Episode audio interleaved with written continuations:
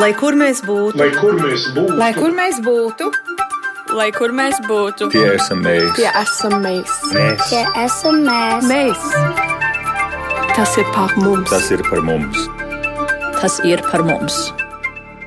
Labdien! Skanējumu Latvijas radio viens viļņos sāk raidījums Globālais Latvijas 21. gadsimts, un ņemot vērā to, ka mēs raidām no multimediju studijas Doma laukumā 8, tad jūs mūs varat skatīties visā pasaulē, un varat to darīt gan Latvijas radio viens mājaslapā, gan arī radio Facebook profilu tiešraidē. Un šodien mums saruna par talantu migrāciju, par smadzeņu jeb augsti kvalificētu speciālistu aizplūšanu, kas ir izaicinājums, ar ko sastopas zinātne, bet noteikti ne tikai zinātne iespējams arī uzņēmēja darbība šeit Latvijā ar to saskaras. Bet uh, galvenokārt, par ko mēs vēlamies šodien diskutēt, diskutēt šeit, ir kā panākt, lai Latvijā atgrieztos pasaules pieredzi guvušie, un vai var būt iespējams tā, ka zinātne būs tā joma, kurā mēs nedalīsim mēs un jūs vai te un tur. Un studijā mēs esam aicinājuši Latvijas jauno zinātnieku apvienības valdes priekšsēdētāju Ievu Siliņu. Labdien! Labdien! Hidrobioloģiju un pēcdoktorantūras pētnieci no Latvijas Hidroekoloģijas institūta Inta Dimanti Deimanoviču. Labdien! Labdien! Un šeit studijā vēl ir arī Latviešu ārstu un zobārstu apvienības biroja vadītāja Kamena Kaidaka. Labdien! Labdien! Šeit ir Latvijas Universitātes diasporas un migrācijas pētījuma centra vadošā pētniece Baiba Bela. Labdien! Labdien! Un lai mums nepārmestu to, ka mēs 8.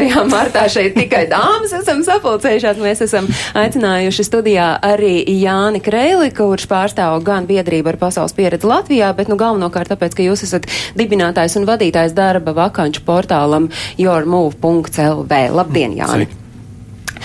Sāksim ar to, ka uh, mēs uh, par pamatu šai diskusijai šodien esam ņēmuši to, ka jūs, Baiba un jūsu kolēģi ir izpētījuši zinātnieku diasporu sadarbības tīkli un iespējas. Un uh, tas pirmais jautājums, vai tiešām mums ir pamats satraukumam, ka mēs zaudējam tos gudros cilvēkus, kuri palīdz attīstīt kā zinātni, tā uzņēmē darbību un uh, visas citas jomas, vai ir pamats sist pie lielā trauksmes zvana. Ieva, mm, Es teiktu, ka galīgi nav pamats uh, sist pie trauksmes zvana, tāpēc, ka zinātne, kā augsta, tā teikt, augsta intelektuāla nodarba un tā, uh, migrācija tur ir pilnīgi, pilnīgi norma. Tas, tas principā, tā ir joma, kurā mums nevajadzētu vispār satraukties par robežām. Mums nevajadzētu satraukties, ka cilvēki iet prom un nāk atpakaļ. Mums vajadzētu vairāk reklamēt sevi, lai šie vairāk cilvēki brauktu pie mums. Šī ir un būs atklāta nozara. Vienkārši mums vajadzētu vairāk izmantot Latvijas potenciālu, Latvijas iespējas. Mēs jau ļoti daudz ko labi darām, taisamies darīt vēl vairāk, un um, būtu vienkārši jā, jākāpina mūsu pašu apgriezieni. Inta?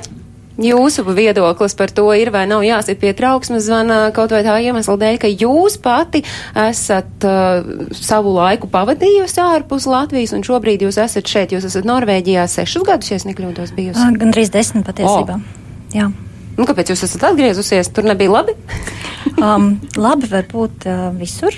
Um, es atgriezos, jo man gribējās jaunus izaicinājumus, uh, jaunu pieredzi, jaunas iespējas. Turklāt es jutos sevi kā zinātniece attīstījusi tik tālu, ka man bija sajūta, ka es varu nu jau ne tikai ņemt, bet arī dot, un es vēlējos dot uh, šeit Latvijā. Un šobrīd, ko jūs uh, darāt, kas ir tas jūsu pienesums Latvijas zinātnē? Es esmu ieguvusi pēcdoktorantūras pētniecības uh, grantu uh, Latvijas Hidroekoloģijas institūtā un um, strādāju šobrīd pie starpdisciplināra pētījuma, uh, kas ir um, ļoti inovatīvs ne tikai Latvijas, bet arī pasaules līmenī. Baiba, es pirms iesaistu pārējos gribu jautāt jums, man kaut kā šķiet, ka jums varbūt ir cits skatījums, nav jāsit pie trauksmes zvana. Nu, tur es varu piekrist Ievai, ka šobrīd zinātnē ir faktiski globāla būšana, un viņa nevar attīstīties lokāli. Un tas, kas ir ļoti svarīgi, ir tieši, lai šī globālā talantu un smadzeņu aprite arī Latvijas zinātnē būtu intensīvāka un tā sadarbība būtu intensīvāka. Līdz šim nevar teikt, ka viņas nav. Laikam, viņa, ja? viņa ir, bet viņa faktiski ir diezgan nepietiekoša. Un tur, kur ir jāsit pie lielā zvana, tomēr ir tas, ka, ja mēs um, Nacionālā attīstības plānā un citos rakstam, ka mēs gribam būt inovatīvi ekonomika, tad kā lūdzu var būt inovatīva ekonomika, ja mums zinātnē ir viens no viszemākajiem finansējumiem Eiropā? Kā arī viens no zemākajiem zinātnieku īpatsvariem nodarbināto sastāvā, nu, pilna laika vienībās skatoties. Un tas ir tas, par ko ir jāsit pie lielā zvana, jo mēs uh, nevaram dabūt uzrāvienu, ja tās, uh, ja, nu, teiksim tā, ja tām smadzenēm ir tik maz skābekļa šeit. Es gribētu atgādināt, ka šis ir tas brīdis, kad izskatās, tas mainīsies. Jo zinātnē tagad ir prioritāte. Uh, visas partijas ir solījušas šo finansējumu pieaugumu, un notiek arī aktīvs darbs, lai tas tā tiktu darīts.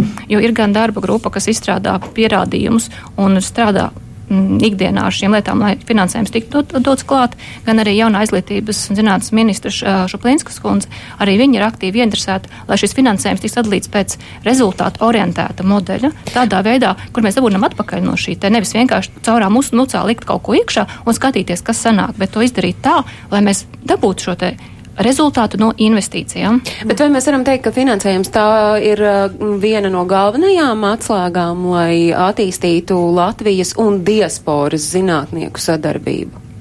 Sadarbība ir viena lieta. Mums vajag zinātniekus, kas šeit rada pievienoto vērtību. Un zinātne tie nav tēriņi. Tā nav iztērēta nauda, kā piemēram ārstniecības izdevumi, pensijas, visas citas ļoti vajadzīgās lietas. Zinātne ieguldītā nauda atgriežas tautsēmniecībā. Tikai tas notiek pēc gadiem. Parasti nu, 10, 15, 20 gadi. Un mums jāsāk ātrāk guldīt iekšā, lai mēs būtu atpakaļ. Tāpēc mums vajag cilvēkus, kas strādā un rada vērtību šeit. Un patiesībā mums pat nav svarīgi, vai viņi ir piedzimuši runājot latviešu, vai viņi ir atbraukuši no citurienes. Jāni, jūsu loma talantu migrācijā. Jā, principā mēs dibinājām tātad Your Move ar, ar diviem mērķiem. Protams, pamatmērķis ir palīdzēt darba piedāvājumiem tiem, kas grib atgriezties Latvijā. Un, mēs tieši redzam, ka visā šajā te, teiksim, darbu un prasmju sadalē tieši augstu kvalificētam darba spēkam, jeb prasmīgiem cilvēkiem ar izglītību, speciālistiem, jauniem profesionāļiem, ir uh, vislielākās iespējas, un šobrīd privātajā sektorā tas atalgojums ir pietiekams. Bet tajā pašā laikā mēs arī strādājam ar ārzemniekiem, kas vēlas pārcelties uz Latviju. Vispār parasti tas ir uh, cilvēki, kas grib braukt līdzi mūsējiem, bet nu, ir noteikts joms, kur mums ir akūts cilvēku trūkums un kur arī cilvēki vienkārši grib pārcelties. Tāpēc es īstenībā piekrītu um, Ievai, teiksim, ja mēs runājam par darba spēka piesaisti. Nu, ņemsim piemēru no Igauniem. Viņi vairs nerunā tikai kā dabūt savējos apakaļ. Viņi runā, kā mēs dabūsim no visas pasaules talantīgus cilvēkus, kurš strādās mūsu IT jomā. Līdz ar to es domāju, tas modelis zinātnē ir vēl akūtāks, vai ne, lai tās sadarbības uh, veidotos. Latvijai ir jāvērās vaļā un jākļūst uh, daudz startautiskākai. Jautājums, vai mēs esam gatavi vērties vaļā, vai Latvijas zinātnieku sabiedrība ir gatava atvērties? Jā, Un jāsaprot, ka tā lieta, ko mums vajag, nav sadarbība. Mums patiesībā vajag rezultātu. Mums vajag, lai mūsu dzīves būtu labākas. Un man, mana un jūsu vispārējā dzīve būs labāka tad, ja zinātnieki varēs strādāt, radīt eh, izgudrojumu, vērtību, kas tālāk tiks transformēta uz sabiedrību. Tas tas lielais mērķis. Un šī sadarbība starp latviešiem un diasporu zinātniekiem ir tikai tāds, teikt, tā teikt, nu, mazs maz posmiņš, kas varētu palīdzēt mm. šim lielajam mērķim, lai mēs un mūsu bērni tā skaitā dzīvotu labāk. Es gan gribētu precizēt, tāpēc, ka uh, tas, ko rāda pētījumi, kad uh, zinātnieki, kam ir plašāka startautiska sadarbība, ir arī produktīvāki. Un tur, protams, var diskutēt, vai tā produktivitāte ir teikt pirms sadarbības vai pēc sadarbības, bet tie abi faktori ir ļoti savstarpēji cieši saistīti. Uh, Un, uh, un par to, vai zinātne Latvijā ir atvērta, es teiktu, ir dažādi viedokļi. Tāpēc, ka, uh, piemēram, arī nu, mēs varam sākt ne ar galvenajiem rezultātiem, bet ar dažādiem rezultātiem no pētījuma, tomēr pietiekami liels īpatsvars uh, diasporas zinātnieki ir saskārušies ar nevēlēšanos sadarboties tieši no Latvijas zinātnieku puses.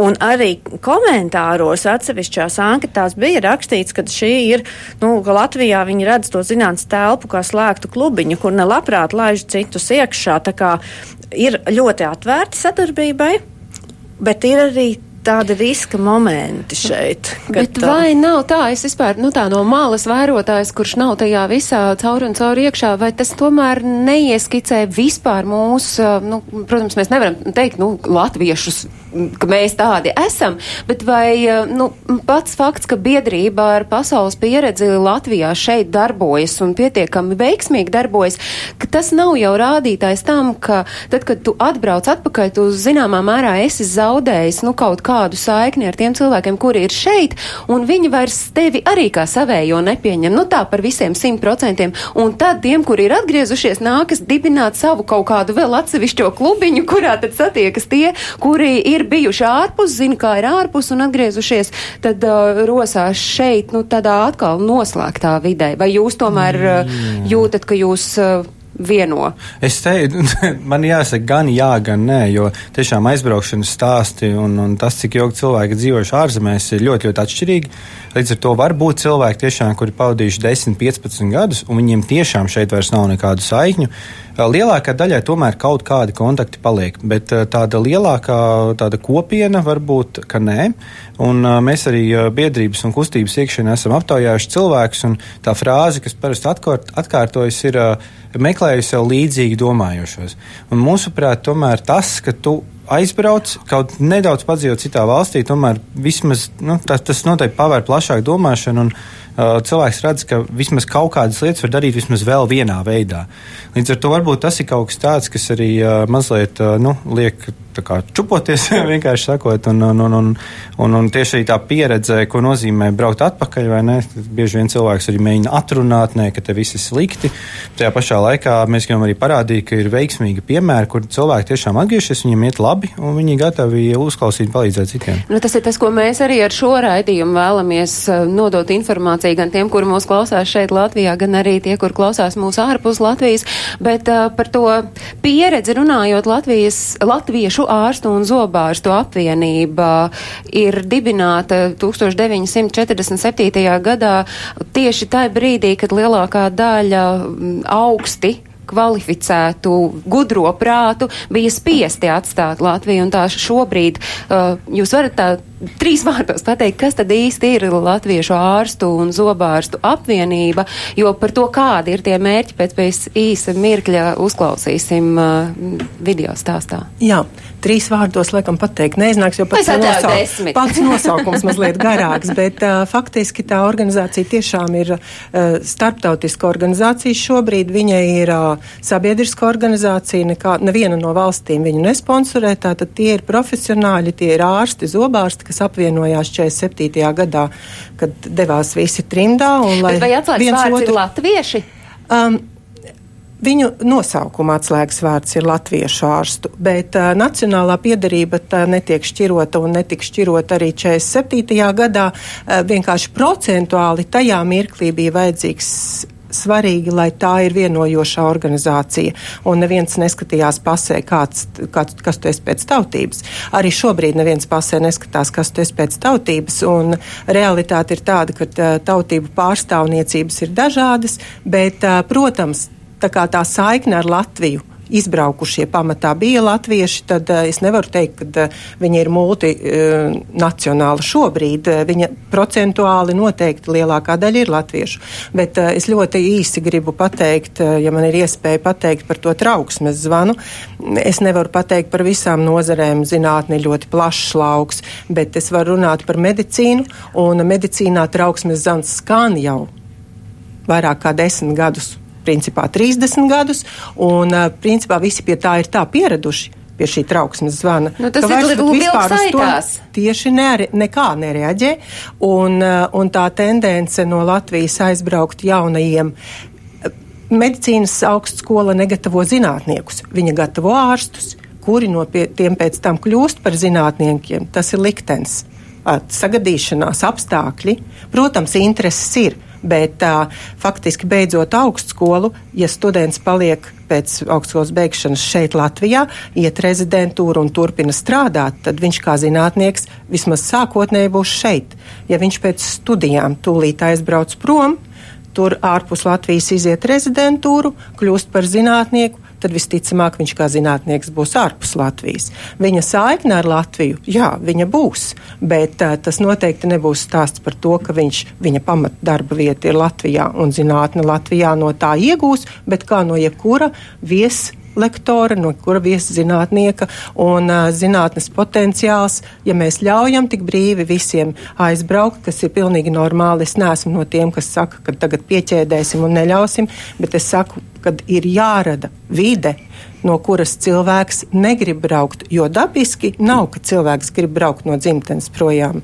Un arī visi studenti, medicīnas studenti, ar kuriem ir runāts un kuri mācās šīs daudzās valodas tieši ar domu, lai viņiem būtu tiešām visa pasaule vaļā Viņi neviens nebrauktu no šejienes prom, ja medicīnā būtu normāls atalgojums, būtu normāla attieksme pret medicīnas jomā strādājošiem, sociālās garantijas, un tas viss, ko viņi ierauga savas pieredzes braucienos ārpus Latvijas un ļoti labprāt gribētu iedzīvināt arī Latvijas medicīnas sistēmā.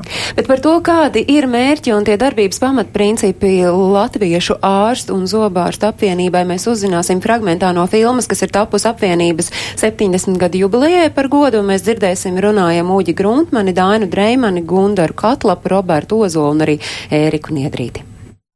Būtībā mūsu vīzija ir mūsu devīzē.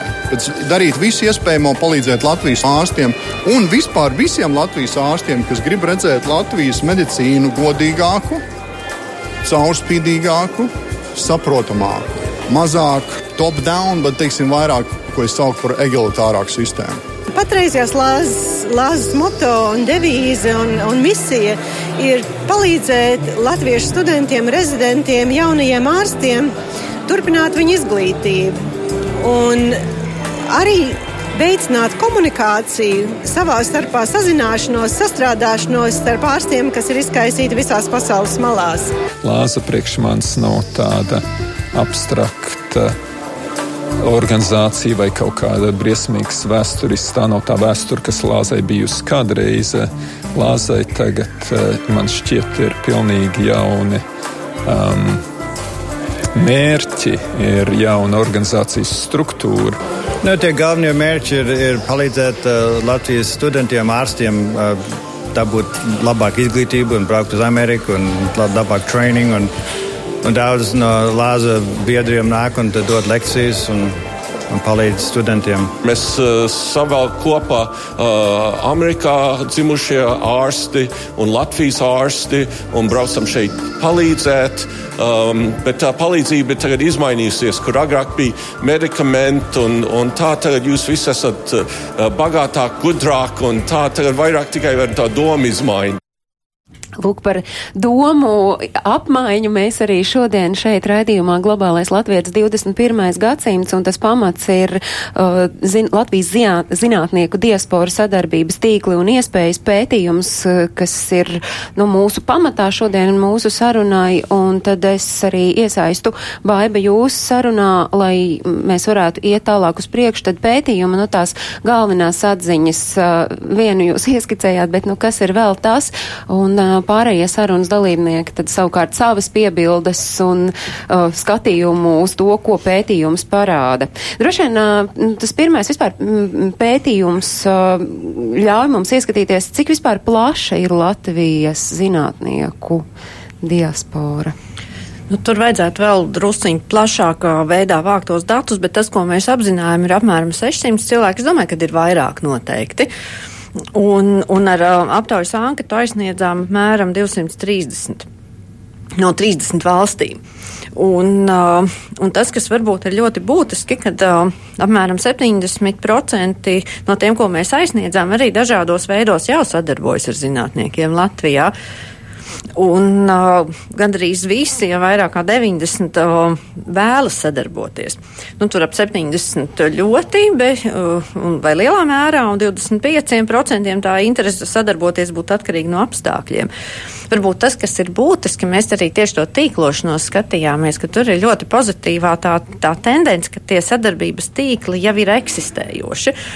Un tas, kas ir iespējams, ir viņus iespējams attīstīt tālāk. Un tas, kas mūs pārsteidza, bija jautājums par naudu. Ja, cik nauda ir svarīga? Jā, nauda ir svarīga. Bet ļoti svarīgi ir arī šī atvērtība un tiešie kontakti. Jo mēs nebijām gaidījuši, ka globālajā 21. gadsimtā, kad mēs ļoti labi varam uh, sakomunicēt arī caur internetu, tieši klātienes tī, uh, personiskām attiecībām. Un klātienes tikšanās reizēm varētu būt tik liela nozīme. Tas mums pašiem bija, bija pārsteigums, ka tas ir ļoti būtisks sadarbības sekmējošs faktors. Tas ir tas, ko mēs arī tagad varam redzēt tabulā, ka viens no jautājumiem, ko jūs arī esat uzdevuši pētījumā, proti, cik lielā mērā nu, tie nosauktie faktori, kas tur um, vēlāk parādās, um, ir ļāvuši uzturēt saites ar zinātniekiem Latvijā. Un te mēs redzam, ka ciešas personīgās attiecības ar konkrētiem cilvēkiem Latvijā ir tas, kas ļauj noturēt. Nu, un tad tur mazliet mazāk procentu ir tad, ja tu piedalies regulāri kaut kādās konferencēs vai semināros šeit Latvijā. Tomēr tur ir tā būtiskā lieta, ir, um, ir tā, ka aizbraucot prom no Latvijas, tās saites izzūd. Tomēr vairāk kā pusē viņas izzūd vai vājinās. Vai mēs varam runāt par to, ka aizbraucot sadedzina visus tiltus? Nē, nē, nē, nē. Nav jau nē. tā, ka viņus kāds sadedzina. Viņi kaut kur iz, izplēna, varbūt dabiskajā, da, dabiskajā nu, bet, Inta, jūs, piemēram, tūdaļ turpināsim, vai, bet jūs, Inta, bijāt prom teju desmit gadu, nesadedzinājāt tiltus. Kas bija tas, kas jūsu to saikni noturēja? Kas ir tā jūsu pieredzes veiksme? Um, tas bija drīzāk personīgās attiecības, draudzīgas attiecības. Ar jo, ko? Ar uh, savas jomas cilvēkiem. Jo, protams, ka mēs labprātāk sadarbojamies ar tiem, kuri mums uh, patīk, ar kuriem ar laiku mēs arī iedraudzējamies, uh, kuri mums ir arī, nu, tā teikt, kaut kādā veidā tuvāki, tīri tādā saprašanās ziņā. Uh, Un uh, tie tilti izzūd, uh, tāpēc, ka diennaktī laika ir tik, cik ir, un tev ir jābūvē jauni tilti. Un, un kaut kādā brīdī, sevišķi, ja tu strādā 100% slodzi ārzemēs, un ja tev ir uzdevums uh, būvēt savu komandu tur, tad ir pilnīgi loģiski, un tas ir tavs arī nu, darbs, ar ko tu pelni naudu, ir pilnīgi loģiski, ka ar laiku tās saites, kas ir šeit, viņas vājinās, bet tas nenozīmē, ka viņas izzūd, un uh, ir labi viņas atstāt tā, lai tu jebkurā brīdī vari atkal tur atgriezties, saglabājot šīs draudzīgās attiecības. Jums savukārt ir pieredze stāsts, kur nu, tos tiltus nesadedzinot cilvēks atkal atgriežas, vai ja, ja arī neatgriežas, jo nevienmēr tas nozīmē, ka tā sadarba, nu, darbs šeit nozīmē, ka ir jāpamet tā brīža mītnes zeme visticamāk. Nu, mana pieredze rāda to, ka zinātnē, atšķirībā no kāda mazāk kvalificēta darba, zinātnieki brauc uz kādu konkrētu vakanci, kas nozīmē, ka viņi nebūs, teiksim, ja es gatavu mazgāt traukus, es Tad varu, jebkur pasaulē. Es, es braucu uz jebkurien, es zinu, ka trauki būs jāmazgā visur, man darbs būs. Uh, bet, ja es vēlos darboties zinātnē, un tā noteikti ir jau kāda konkrēta joma, kurā es esmu ļoti laba, man der tikai ļoti konkrēta vakants konkrētā vietā. Un tā lieta, kur mēs, kā Latvija, varētu būt spēcīgāk, mēs varētu vairāk dot ziņu par šīm iespējām, jo iespējas ir, uh, mēs arī apvienībā konsultējam cilvēkus. Uh, Reizēm zvana no, no Amerikas, no tās pašas Norvēģijas, no dažādām vietām. Cilvēks vienkārši, ah, tiešām pie jums var braukt, izmantojot apvāršanu 2020 finansējumu. Ah, pie jums ir tāds, tāds pēcdoktorantūras programma, kā šobrīd Rīna atbraukusi. Cilvēki vienkārši nezina par šīm iespējām, jo, protams, šie cilvēki, kas ir gatavi mobilitātei, viņi biežāk ir šajā vecuma grupā, kad viņiem ir jau ģimene. Nozīmē, ka viņiem ir partneris, iespējams, ka viņiem ir mazi bērni ar visām izrietošajām sekām. Viņiem nav daudz laika pētīt internetā, kādas Latvijā ir iespējas. Līdz ar to mums šīs iespējas ir jāpiedāvā, ja mēs vēlamies viņus iegūt pie sevis. Nu, bet tā apziņošana, jā, baiva. Tā ir ļoti svarīgs tas papildinājums, jo tas jautājums aizgāja tā kā sadedzināt vai nesadedzināt tiltus, bet tas, ko mēs redzam, tikai 16% no tiem, kas ir emigrējuši no Latvijas, o, nevis dzimuši diasporā, ir ieguvuši doktora grādu Latvijā. Tas nozīmē, ka savu zinātnieku karjeru viņi pamatā ir veidojuši ārvalstīs, un daudziem, daudzi vispār nav Latvijā zinātnē nekad nekad strādājuši. Tas nozīmē, ka viņiem ir grūtāk tās saites. Un viņiem pat nebūs šie tilti, no kas būtu nebūtu vai jā, jā, tā, viņiem, viņiem to tiltu jā. nav, viņiem ir viņi jāveido. Tieši tā. Uh, es gribēju mazu repliku saistībā ar tiltiem. Uh, runājot par tiltiem, tas, ko pateica Alda Urtāna, viņa pat labam ir no Norvēģijā strādā, viņa ir no jaunā emigrācijas viņa, kā mēs sakam. Uh, viņa teica tā, ka aizbraucot uz turieni ir grūti, tad tu adaptējies, ieņem kādu noteiktu stāvokli, un tad tu jau esi atvērts ne tikai ņemt, ne tikai iedzīvoties jaunajā vidē, bet arī dot. Tāpēc arī tās saiknes starp ār, ārpus Latvijas esošajiem ārstiem un Latvijā esošajiem jaunajiem studentiem ir ļoti ciešas, jo šie individuālie kontakti izveidojas un liels palīgs mums tur ir uh, studentu asociācijas kuras aicina, kuras gatavo savus biedrus, lai viņi nāk, klausās, lai šie pieredzes stāsti viņus motivē. Un uh, tas, kas attiecas uz medicīnas jomu, tur ir uh, ļoti grūti runāt par iespēju viegli atgriezties, jo uh, ārstniecība medicīna ir reglamentētā profesija. Un ir mazliet amizanti, kā uh, Amerikas profesors Latvijā nav profesors. Jā, šis arī ir jautājums, vai šo reglamentēto profesiju ārpus Latvijas iegūtā, iegūtais grāts vai izglītība būtu atzīta šeit, šis dokuments būtu atzīts Latvijā, vai tas kaut ko varētu mainīt?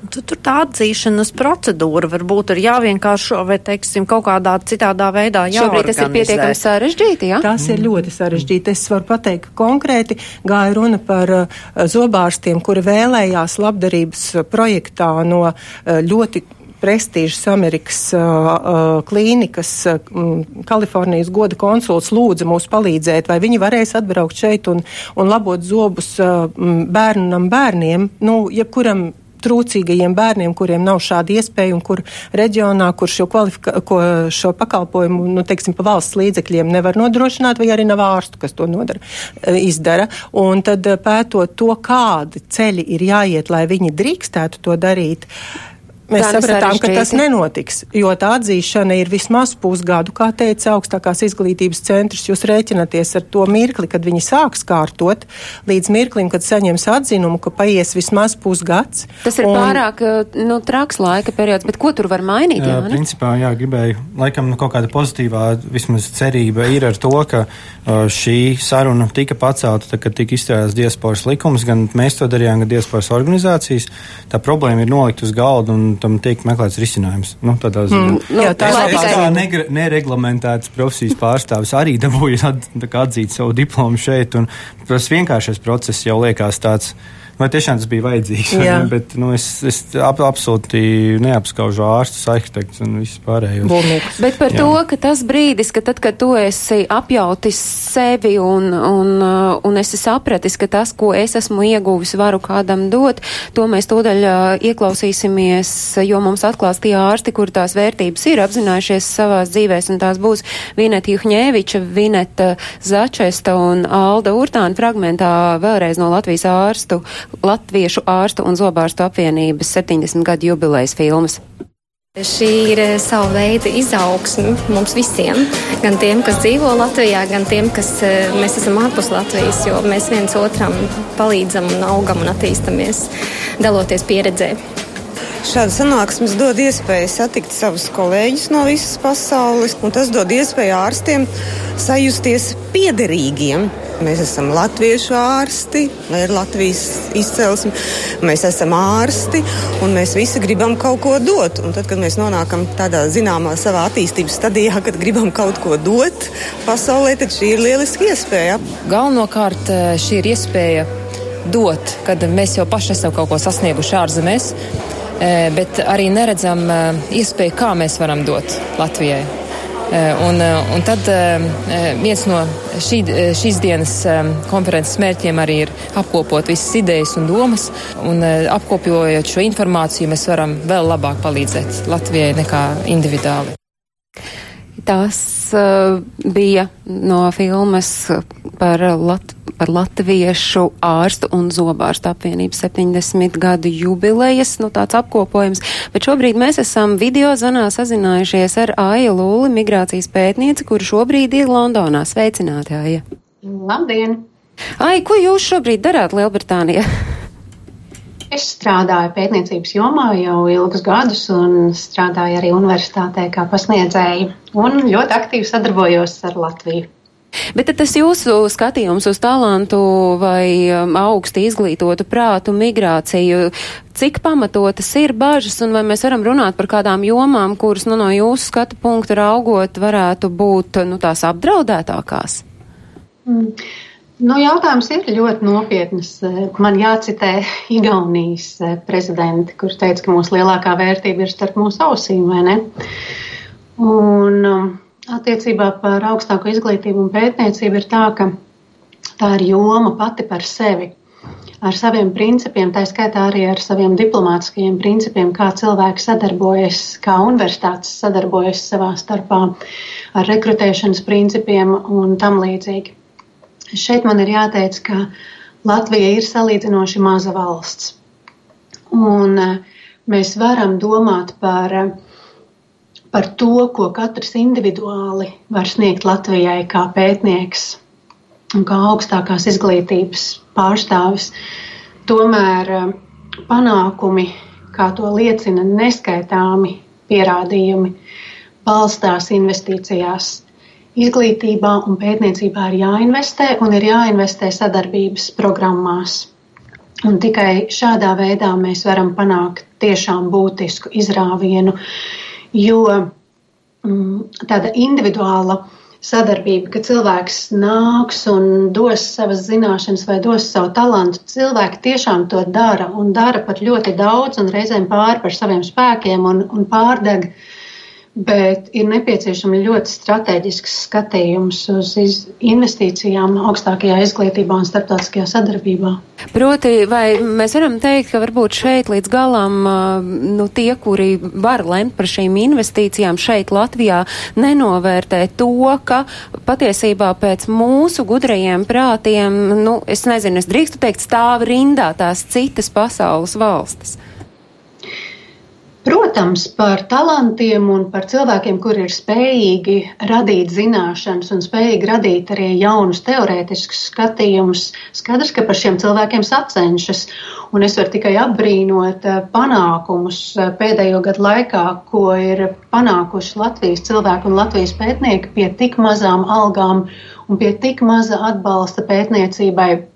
Un attiecībā uz sadarbību ar vai tie būtu ārzemju speciālisti vai arī diasporas cilvēki ārzemēs, ir jau samērā labi soļi tiek spērti no izglītības eh, un zinātnes ministrijas puses, īpaši no ārlietu ministrijas ir ļoti aktīva un tālredzīga rīcība. Eh, tomēr mums ir jāsaprot, kur mēs atrodamies un ka mēs esam maza valsts, mums ir jābūt strateģiskai uh, vīzijai par to, kā mēs sadarbosimies. Jo vienkārši paņemt cilvēku, teiksim, no Londonas vai no Ņujorkas un, un iesaistīt kādā mazā projektā, nu, tas nav ilgtspējīgi.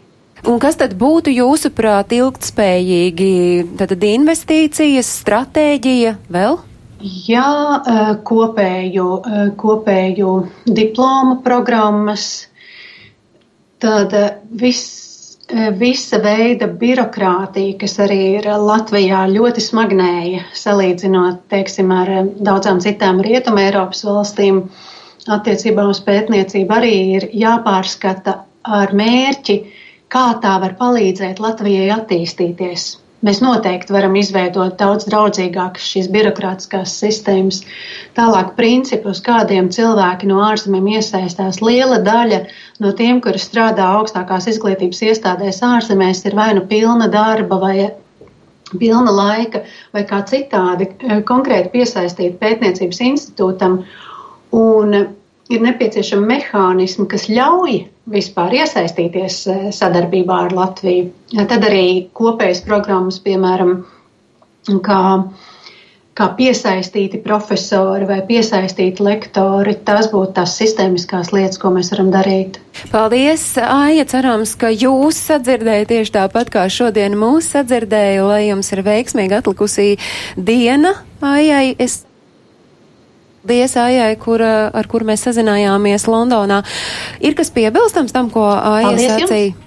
Es varētu tieši par šīm praktiskajām, praktiskajām lietām, ko Aija arī minēja par birokrātiju, jo tas tiešām pārceļoties no ārzemēm un sākot strādāt Latvijā, no sākuma tas liekas smieklīgi, pēc tam tas ir kaitinoši, un pēc tam jau tas ir līdz izmisumam pie visiem tiem papīra kalniem, kur tu apstājies, tad, kad ir jāapraksta katrs komandējums. Um, katrs pirkums, uh, katrs brauciens uz konferenci, tās ir nebeidzamas stundas, kas tiek pavadītas, lai tiktu cauri šim birokrātijas slogam. Uh, Un, un tur pilnīgi noteikti kaut kas ir, ir jāmaina, jo tas, eh, tas nav. Tas nav. Nu, mūsdienās tā arī zinātnē vidi ir ļoti dinamiska un, un ļoti radoša. Mēs vienkārši netiekam līdzi, un mums jāierēķina kaut kāds procents, ko mēs uh, atrausim zinātnē, lai vienkārši nodarbotos ar šo papīru darbu. Es dzirdu vairākas paralēlas ar uzņēmēju darbību, jo um, nu, līdzīgi arī mēs mēģinām attīstīt uzņēmējdarbību ar vairākiem valsts instrumentiem. Tad uh, ir tādi instrumenti, kur uzņēmēji saka, es, tā nauda it kā ir par brīvu, bet uh, tas laiks sanāk tik dārgi maksāts, ka man patīk šito nevajag. Un, uh, nu, es domāju, tas viss nāk no 90. gadiem, kad katru valsts santīmu mēģināja kāds kaut kur izsaimniekot, bet nu, laiki sāk mainīties, vai ne? Un es domāju, ka tā arī vajadzētu mainīties tajā attieksmē. Uh, bet tas ir arī tas, ko Baiba jūs nu, pētījumā esat nu, tādu viens no secinājumiem, ka ir jāveido šī pievilcīgā zinātnes sistēma Latvijā. Nu, skaidrs, ka tā birokrātija visticamāk pievilcīgajā sistēmā neietilps, bet ko jūs redzat kā pievilcīgi? Nu, kas ir nu, tas, kā mums birokrātija veidojas no neusticēšanās cilvēkiem, un tā ir tā lieta, kas ir jāmaina mums paradigmas līmenī. Mums ir jāuzticas citiem. Jā, ir iespējams, ka kāds no šiem minētajiem uzņēmējiem vai zinātniekiem vai vispār jebkāds var izdarīt kaut ko, kas nebūtu īsti ētiski un korekti. Tā notiek jebkur pasaulē, bet mums ir jāuzticas visiem pārējiem un jāļauj viņiem kārtīgi, godīgi darīt viņu darbu ar labākiem rezultātiem. Pieļauties, ka jā, neliels procents būs, bet tas viennozīmīgi ir tā vērts, jo iegūst pilnīgi visi. Tas, ko jūs Ieva jau iepriekš runājot, pieminējāt par šo apziņošanu, un tas ir arī tas, kas pētījumā parādījās par šo tīklojumu. Jūs jau bābi nedaudz ieskicējāt, nu, ka ir šie personīgie kontakti un, un ka ir tas tīklojums ir, bet tas varētu būt vēl spēcīgāks. Tas ir arī tas, pie kā ir jāstrādā, nu, ka lai šī saziņa nav tā, ka cilvēkam ar cilvēku vai starp mazām grupiņām. Ne, nu, saziņa vienmēr būs cilvēkam ar cilvēku. Jautājums ir, kā, kā to saziņas tīklu padarīt plašāku plašāku un no tās saziņas aiziet līdz reālām kopīgām darbībām. Vai tie ir kopīgi projekti, vai tie ir kopīgi raksti.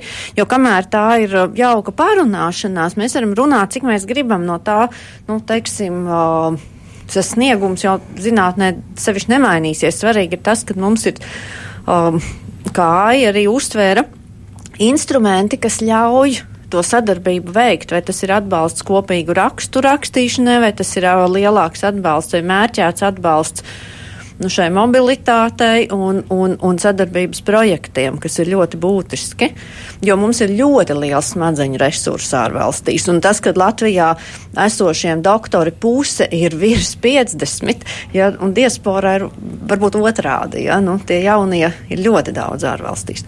Es arī teiktu, ka ir ļoti svarīgi, lai pēc iespējas tur, tur, kur tas ir iespējams, no zinātniskiem pētījumiem pēc tam tiktu radīti arī komercializējami produkti vai pakalpojumi.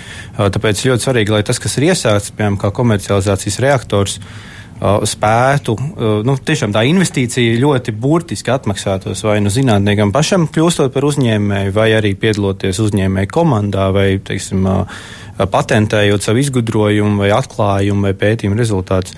Tā kā, jo tādā tajā reizē mēs arī, nu, kā jau teicu, mēs redzam atdevi kad tas viss iesākās laboratorijā, bet tagad no tā ir uzņēmums un pēc tam tam ir darba vietas. Un tas savukārt rada atkal jaunu augstni nākamajam zinātniekam, kurš var braukt un pētīt tajā uzņēmumā tālāk, lai tā nav arī tikai, teiksim, nu, valsts nu, sektora lieta. Tas jautājums par to, kad tu vispār esi zinātnieks un kad tu neesi varbūt. Jā, es. Uh gribu arī par šo, kad esi zinātnieks, kad neesi, bet uh, es gribēju par to birokrātiju. Uh, Ziniet, man liekas, ka tā traģēdija ir nevis tas, ka cilvēki neusticas, bet ka viņiem ir viena alga. Jo uh, tie, kas ir birokrāti, Viņi paņem, un viņš tiešām viņam skatās, piemēram, uz mūsu raidījumu vadītājiem. Viņš ne, nejūt ne uzticību, ne neusticību.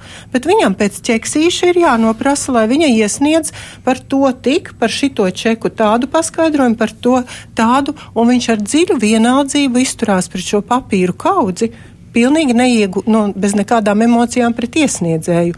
Ja būtu kaut kāds cilvēciskais moments, nu viņš, piemēram, sakautrētos un teikt, ak, Dievs, kā gan es jums varu prasīt tur tik smieklīgas lietas, nu skaidrs, ņemiet, brauciet, lūdzu, re, kur pieņemu jūsu atskaiti. Man liekas, ka tā birokrātijas sistēma ar to ir šausmīga, ka viņa sevi izveido, viņa sevi tur, un viņa no, pati no sevis barojās, un tur ar cilvēciskumu tiešām ir ļoti maz sakara. Bet Tas ir stāsts par valsts politiku, un ja valsts šādu birokrātiju atbalsta, tad tā ir traģēdija. Un eh, par to iespējām, kādas eh, varētu būt tas viens modelis, ko, ko piemēram, mēs arī, nu, nevis piekopjam, bet nu, kas reāli funkcionē. Tie ir um, jauno studentu, rezidentu un, un, un arī jaunāku ārstu braukšana, pieredzes uh, braucienos uz uh, klīnikām.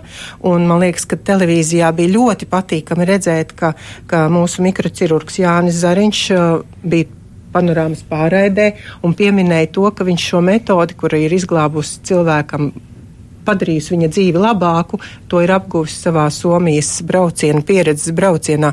Un tāpēc tai sistēmai, kad ir iespēja doties un mācīties un stažēties, ir jābūt sistēmai nevis individuāliem gadījumiem, bet valsts sistēmai visās augstskolās, visās lielajās klīnikās, rotācijas kārtībā. Katram ir kaut kādā laika periodā jādodās, lai mazliet izveidinātu galvu, jo jāsaka, ka nu, var vienu dīķi kustināt, cik grib, viņš par jūru netaps. Un... Mēs ļoti palēnām tuvojamies raidījuma noslēgumam, un tad raidījuma noslēgumā es katram došu no jums vārdu, lai jūs pateikt pirmkārt, kas ir tas ļoti svarīgais, ko mēs nepārunājam šai laikā, un otrkārt, nu, kas ir tas, kādi jūs redzat uh, to Latvijas un latviešu zinātnes vidi pēc, nu, es nezinu, cik uh, termiņā desmit gadi tas ir tāds normāls laika nogriezums nogrieznis, lai par to runātu. Nu, pēc gada droši vien nav jēgas par to runāt, bet, nu, runājam par desmit gadiem.